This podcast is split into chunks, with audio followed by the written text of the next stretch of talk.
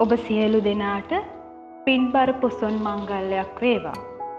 අද දවසේදී ලක්වාසී සහෝදර බෞද්ධ ජනතාව මහින්දාගමනය හෙවත් මිහිඳු හිමියන්ගේ ලංකා ගමනයත් එමගින් ලක්දිව බෞද්ධතාම ස්ථාපිත වීමත් යන කාරණා ඔස්සේ පොසොන් පොහෝ දින විශේෂාකාරයෙන් සමරනු ලබනවා. ලංකාව අසි සියලු දෙනාට අද දවස ඉතාමත් විශේෂ දවසක්. සෑම වසරකම පොසොන් මංගල්ලයේදී ශ්‍රී ලාංකික බෞද්ධ ජනතාව ආමිස පූජාවෙන් ප්‍රතිපත්ති පූජාවෙන් වැදුම් පිදුම්වල නිරත වෙනවා. නමුත් පසුගිය වසරේ වගේම මේ වසරේදිත් එලෙසින් මෙම මංගල්‍ය සැමරීමට ඉඩ ප්‍රස්ථාව ලැබෙන්නේ නැහැ. ඒ වර්තමාන වසංගත තත්ත්වය නිසා. ඒත් අපිට අදවන් දිනක ඒ සුවිශේෂී බව සහ මෙදිනට යෙදෙන වටිනාකම ගැන මෙලෙසින් කෙටි කතිකාවතක් ගොඩනගා ගැනීමට අවස්ථාව ලැබුණා.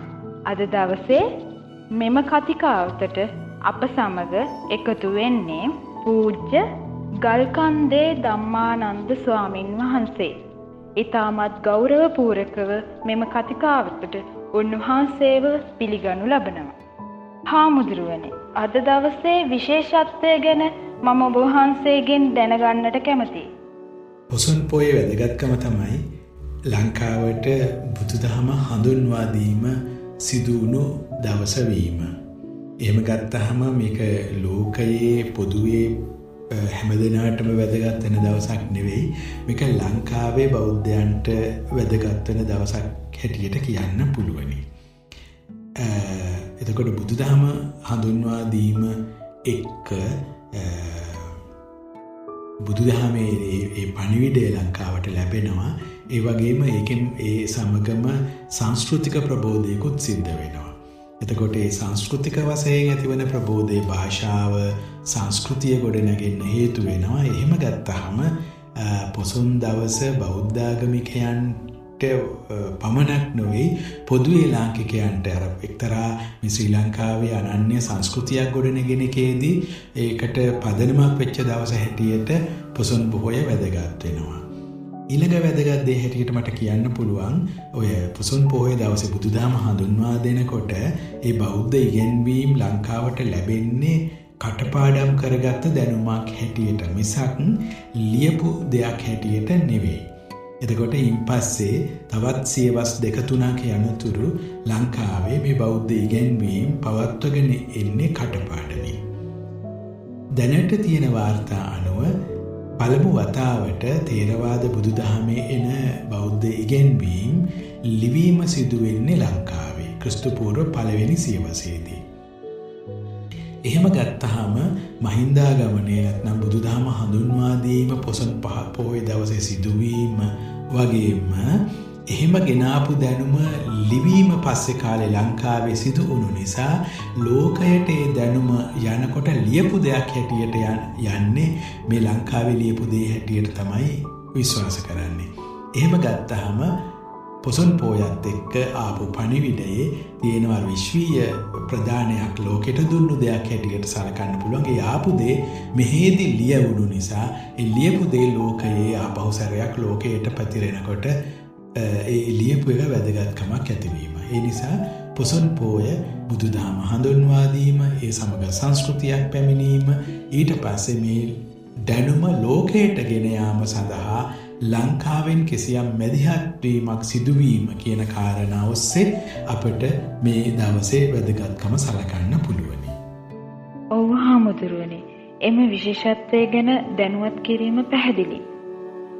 ඒ වගේම එදා ලංකාවට බුදුදහම ලැබෙනකොට තිබුණු සමාජ ක්‍රමයට වඩා අද පවතින සමාජ ක්‍රමය ආර්ථික දේශපාලනික සමාජීය වශයෙන් බොහෝ වෙනස්කම් වලට භාජනය වෙලා තියෙනවා. එහිදී අපි අද දවසට උචිත ලෙස ඒ ධර්මකාරණා තුල අනුගත වෙමින් ඒ තුල කටයුතු කළ යුතු ආකාරය මොන වගේද? බුදුදහම ලංකාවට හඳුන්වා දෙනකොට ලංකාවේ රාජ්‍ය බිහි වෙලා තිබුණේ නැහැ. එවනැත්නම් ප්‍රාදේශය වසයෙන් යම් යම් ප්‍රධානීන් ඉන්න ඇති නමුත් ස්ථාපිත වසයෙන් රාජ්‍ය ඇති වෙලා තිබුණේ නැහැ.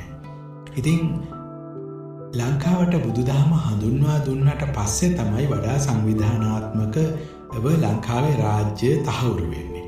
ඒ නිසා වෙච්ච ප්‍රශ්නයක් තියෙනවා ද බුදුන් වහන්සේ රජ පවුලක කෙනෙක් වුණාට රාජකුමාරයෙක් වුණාට ඒවා අත්හැරලගිය බුදුන් වහන්සේ ඊට පස්සේ නැවත ඒ රාජ්‍ය බලය එක්ක ගැටගහෙන්නේ නැහැ.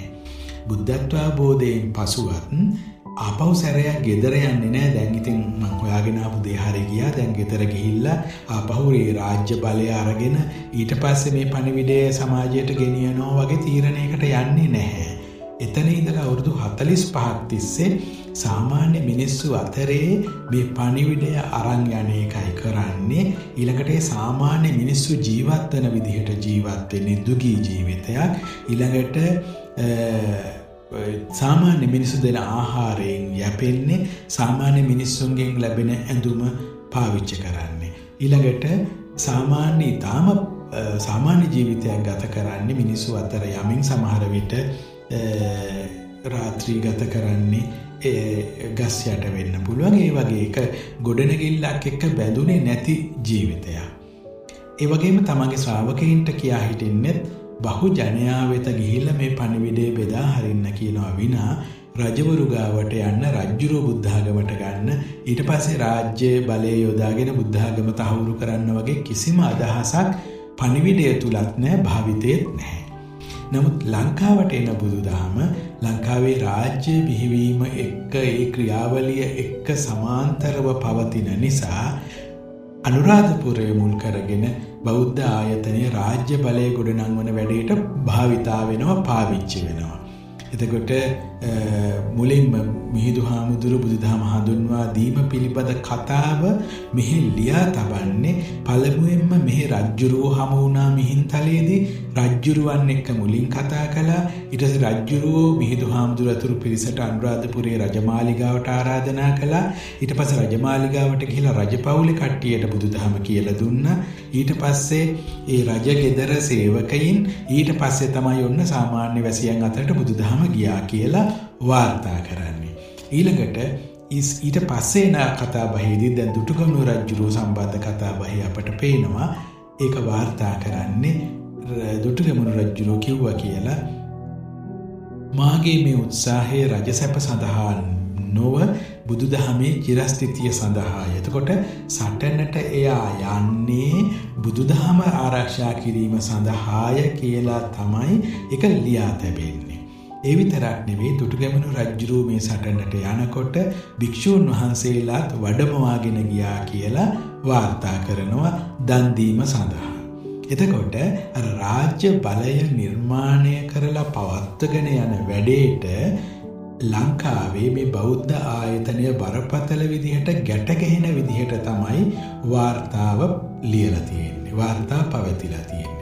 එතකොට ඒකත් එක්ක එන ප්‍රශ්නයක් තමයි බුදුදහමයි රාජ්‍යයි අතර වෙන් නොකළ හැකි විදිහේ ලොකු සම්බන්ධයක් තියෙනවා වගේ අදහසක්. මේක මා දකිනවා එදා තත්ත්වයක්ත් එක්ක අදට ගලපනකොට බරපතල ප්‍රශ්නයක් හැටියට බුදු දහම ඇත්තටම රාජ්‍යත් එක්ක හෝ දේශපාලනයත් එක්ක සම්බන්ධ දහමක් නෙවේ. ඒක සාමාන්‍ය පොදු ජනයා අතර පොදු ජනයාගේ සුගතිය යහපත සඳහා ක්‍රියාත්මක වන පණිවිඩයක්.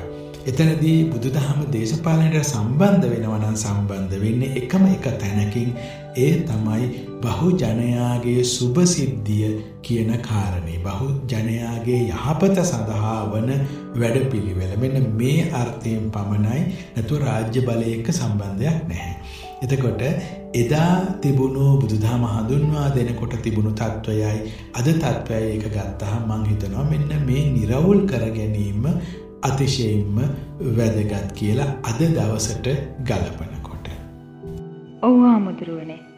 මෙතනදී ඔබ වහන්සේගේ පිළිතුර තුළින් ඊටමත් ගැඹුරු ධර්මකාරණා පැහැදිලිව මතුවෙනවා.